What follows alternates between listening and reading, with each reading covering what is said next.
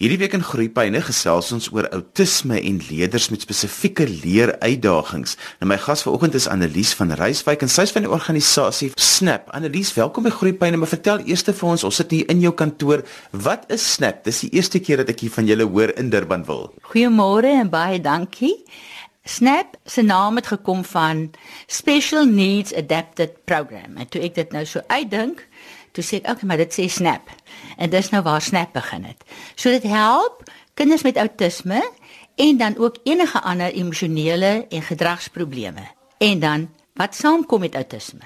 So 'n kind kan autisties wees en doof en blind en serebraal gestrem en Down syndroom en dan nog disleksia, diskalkulie, ADHD en so saam. Nou ons sit nou hier in jou kantoor hier by julle sentrum in Durbanville. Ek sit nou hier soos 'n voornemende ouer. As ouers deur daardie deur kom, hoekom kom hulle hier spesifiek en hoekom beland hulle hier by jou? Die meeste kere is dit omdat hulle vermoed daar's iets verkeerd of die kind se gedrag is so moeilik dat hulle die kind nie kan hanteer nie of hulle is verwys deur die pediaters of sielkundiges want as jou kind op die spektrum is of gedrag wys dan moet hy eers gehelp word met die gedrag want as 'n kindjie nie luister nie dan kan hy nie leer nie so as hy skool toe gaan na 'n skooltjie toe, dan gaan hy nie saamwerk nie. En op die einde doen hy sy eie ding en as hulle hom dan probeer om te kry om saam te werk, dan gooi hulle hierdie uh tantrums. En dan kan die juffrou dit nie in die klas hanteer nie. Die ander kindertjies ontstel, so hy moet eers heen kom waar hulle dit verstaan, dit hanteer en dan kan hulle teruggaan. Vertel vir ons wat is outisme? Outisme is 'n kind wat probleme het in drie areas. Sosialisering. Hy luister nie en speel nie saam met ander kindertjies nie. En dan taal. Die kinders tel nie en leer nie taal spontaan soos gewone kindertjies nie. Hy sit in sy eie wêreld, hy hoor nie wat aangaan nie en taal is die moeilikste ding vir hom. En dan begin hulle met hulle obsessionele speel en gedrag. So dit kan 'n touwtjie wees, dit kan twee perdjies wees, dit kan 'n trein wees, dit kan 'n vliegtuig wees. Hy begin dan daar belangstel en dit is al wat hy wil doen. Die ander kant daarvan is 'n mens kry op die spektrum hoog en laag funksionerende kinders. En dan kry ons die Asperger's wat wel begin praat. En hulle praat soos professore oor hulle onderwerp, maar hulle pas weer sosiaal nie in die gemeenskap in nie, omdat hulle hulle aandag fokus op een spesifieke ding en net daaroor wil praat. En dan die groot ding met die kinders is hulle is konkreet denkend. So hulle verstaan nie abstrakte taal nie. En daar kom so baie foute en probleme met daardie taal. Nou my siening van die outisme na 30 jaar is dis almal mooi kinders. En dan is dit kinders met goeie geheue. Hy onthou al kan hy nie praat nie. Hy onthou waar sy goed is of wie wat laaste vir hom gedoen het. Hulle kan so goed onthou. Maar hulle maak hulle wêreld voorspelbaar deur patrone in sy lewe in te bou. Omdat hy so konkreet denkend is. En mense verstaan dit nie want hulle sal sê pappa sal jy sê dit is die appel van my oog. En as die kind gil maar ek is nie appel nie. Omdat jy konkreet praat, hy konkreet denkend is en jy abstrakte taal gebruik. Nou, hierdie kinders moet alles alles geleer word en alles is baie dan sien jy 'n gewone 2-3 jarige kindjie, dan sien jy hoe praat hy, dan sê hy dis te hoog, ek kan nie bykom nie. Niemand het dit vir hom geleer nie. Maar nou moet ons vir hierdie kind vat, hom vat en sê kan jy bykom? Nee, dis te hoog. Nou, Annekas, is dit te hoog? En as jy dit dan baie rigied aanleer, dan veralgemeen die kind dit nie en dan pas hy nog steeds in die wêreld in nie. En dan het hy nou jare lank se programme gehad, maar dis nie veralgemeen nie. So as hy dit in my kantoor kan doen, gaan hy dit nie in die dokter se kantoor kan doen nie. Dit moet oral aangeleer word. So die wêreld moet vir hom weier gemaak word. Ouers wat hierdie pad stap, gaan ons nou altyd deur daardie fase van ontkenning waar hulle net vir hulle self sê maar want hulle klou so vas aan die klein groen lote wat so uitskiet en die klein goetertjies, maar hulle wil nie altyd hoor dat daar probleme is nie. Ja. Ons het probleme met ouers wat kom want die die ontkenning is direk daar. En dan as die ontkenning begin, dan sê ek altyd terwyl jy 'n ontkenning is, doen net iets. Want ouers is geneig om dan verder te gaan soek vir iemand wat sê dit is nie. Nou in die eerste plek hoef 'n kind eintlik nie in die begin gediagnoseer te word nie. Want as die kind se gedrag moeilik is, dan moet jy eers sy gedrag beheer. En as die gedrag onder beheer is, dan kyk ons watter punte staan nog uit. Want baie keer nadat 'n kind begin luister, hy sê maar, "Was dit of was dit nie?" Maar en dan kom die punte beter uit. Maar dit is ouers moet asseblief nie weghardloop. Hulle moet eerder vir hulp kom, dan sê hulle maar Boetie het eers op 5 begin praat en so. Temple Grandin sê, sy is die mees bekende autistiese persoon. Sy is nou 70 jaar oud. Sy sê, "Don't take the wait and see approach. Begin met daai kindjie werk. En die eerste punt is jy kan nie vir 'n kind taal leer as hy nie luister nie. As hy dit goed op sy terme vir jou sê, dan is daai vordering nie vinnig genoeg nie. Kan miskien net noem dat die eerste privaat kindjie wat ek gehad het, het in 6 maande 3 en 'n half jaar se agterstand ingehaal. Sy het nou haar BA graad, sy is nou besig met haar LLB graad. Sy is nog autisties, maar sy bestuur haar motor, sy bring haar boetie skool toe, sy pas in in in in die samelewing en sy kan haarself nou heeltemal behelp. Sy is nou in 'n koshuis in Perth en sy ehm um, pas in. Maar dit het jare se werk gevat.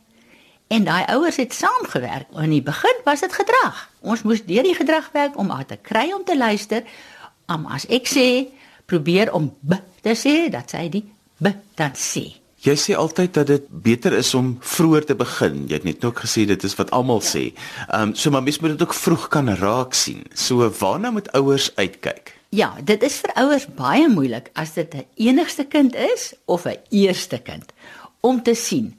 Want hy lyk dan, ja, hy speel so oulik daar met sy treintjie om en om en, en dit lyk of hy reg speel, maar dit is eintlik ritueel.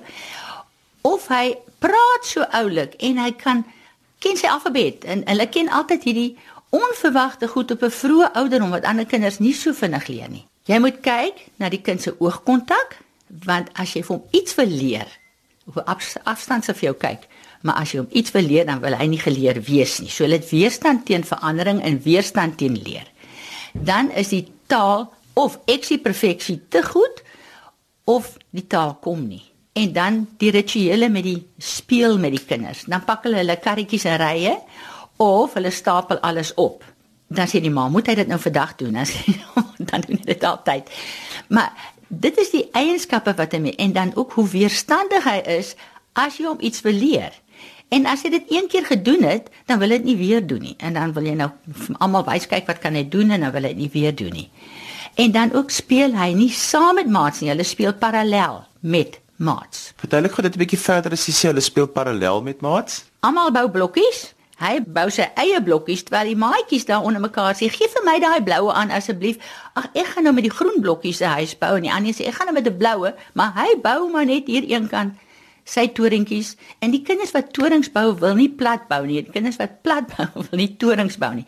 So ritueel kan 'n mens sien, maar hierdie kind bou permanent torings. As jy hom enigiets gee, dan gaan hy op in die lug dan kan jy sien daar's 'n patroon in sy spel. Op hoe vroeg kan 'n kind met outisme gediagnoseer word? Want ek weet daar's baie debatte daaroor. Ja. Daar is nou in Amerika 'n toets wat hulle het wat hulle blykbaar baie vroeër kan sê, maar dit is nie beskikbaar tot almal nie. So meestal tussen 8 2 jaar en 3 jaar waar die kleintjies nou moet begin praat en nie begin praat nie en dan met hulle ritueel begin wat die ouers dan begin raak sien maar maar dit is daar nie, dan is dit nie daar nie. Dis daai twyfel wat hulle dan het.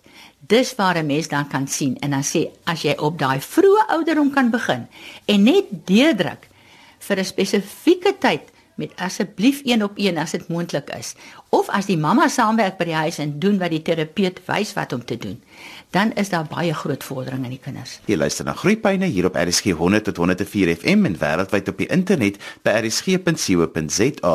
Onthou jy kan ook na ons luister op DStv audiokanaal 813. Vandag kuier ons by Snap en dit is 'n nie-regeringsorganisasie hier in Durbanville wat kinders help met outisme en ook met kinders met leeruitdagings. My gas vandag is Annelies van Reiswyk. Annelies, ons sit nou hier in jou kantoor ouers kom deur daai deur, hulle kom sit op hierdie stoele waar ons nou sit. Waar begin jy met hulle werk? Wat kan hulle te wagte wees? Want ek dink baie keer is daai onbekendheid daarvan van wat voor lê. is amper die grootste dingetjie om te oorkom om my kind te kan help. Ja, dit is vir die ouers en as hulle kom is hulle baie angstig. En selfs ou ouers wat al hier gewees het, as hulle weer kom, dan is daar altyd eers trane, want jy word heeltemal daarmee gekonfronteer as jy hier kom, want jy weet mos hoekom is jy hier. So wat ek graag vir ouers wil vertel as hulle die eerste keer kom is, wat is outisme eintlik? Want jy moet dit nou takel by die huis en aanpak en deurdruk en weet wat is dit wat jy mee werk. Nou, as die kind weerstand teen verandering het en nie wil leer nie, nou loop hulle agter hom aan met 'n lepeltjie om hom gevoer te kry, maar hy wil nie by die tafel sit nie. Dit moet verander. Hy moet leer om by 'n tafel te sit.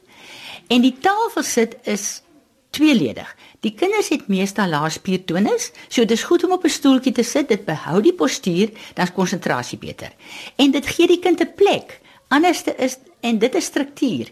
En dit is hoekom dit belangrik is dat 'n kind wel leer om op 'n stoel te sit en by 'n tafeltjie iets te doen. Die res kan ons baie op die vloer doen en so, maar net om te begin. Of om agter die kind te sit. Vergeet eers van oogkontak. Maar kry nie dat daai handjies saamwerk om uh, blokkies af te haal en weer op te sit of in te sit en uit te haal. Dit is baie belangrik. En van daar af, as ons nou mooi geluister het, wat doen hierdie kind wat nou op die spektrum val? En dan gaan ons na die gedrag toe.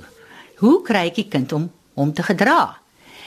Want die die huisgedrag is die moeilikste een om af te breek om nuwe patrone te begin. Dit is vir ouers baie hartseer as hier 'n tutor kom en sê vat die kindjie en 'n uur later dan luister hy vir die tutor.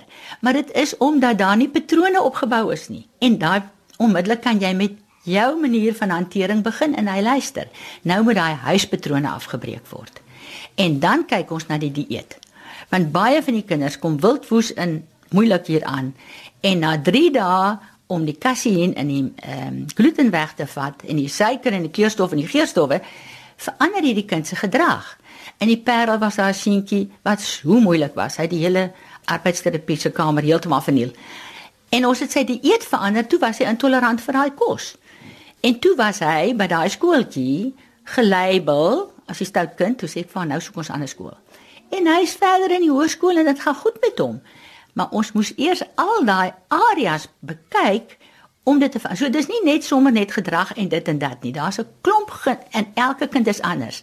As jy een kind gesien het met outisme het jy een gesien. So jy kan nie dis hoekom 'n ouer ook sal sê ek weet hoe my kind hanteer maar jou kind kan dalk ander goed hê. En dis hoekom 'n mens weier moet kyk en daar moet ook toesig insig gegee word vir die ouers by die huis om dit af te breek. Anders te verander dit nie. Dan kry ons die resultate dat dat kinders 30 jaar oud is en kaal in die huis rondloop en hy ma sit nou vir die res van haar lewe in 'n eie tronk. Of 'n ander een sit agter tralies by Tegeberg Hospitaal. Die ouers is oud, hulle kan hom nie hanteer nie. Nou om dit te verhoed, is die samewerking van die ouers so belangrik as die kind klein is. Ouers is geneig ook om hulle self te blameer dat hulle iets verkeerd gedoen het. Ja. Nou jy noem nou 'n paar goed op wat ouers kan verkeerd doen, maar die oorspronklike oorsaak wat wat wat die kind autisties gemaak het, dit is mos nie iets wat 'n ouer verkeerd gedoen het nie. Nee, jy kan nie genetika verander nie en as dit geneties vatbaar is, so dit moet 'n mens aanvaar. Uh, ons het almal ons uh, familie karakter eienskappe. En dan sê jy maar waar kom die kind vandaan? En dan kyk jy drie geslagte terug en dan sien jy maar daar's 'n fotootjie wat net soos hierdie ene nou lyk. So daar kan jy nie aanvaar nie. Maar ouers het wel daardie gevoel dat ek het iets verkeerd gedoen. Jy het nie. En al het jy iets verkeerd gedoen, die pad vorentoe kan jy dit anders doen. Dit is waar die streep kom om dit van waar van waar jy hulp begin kry, dit anders te doen en dan verander dit en verbeter dit. En alle kinders kan leer. Almal beland nie op universiteit nie. Maar ons kry kinders van alle ouderdomme. 'n 9-jarige kind kom jy aan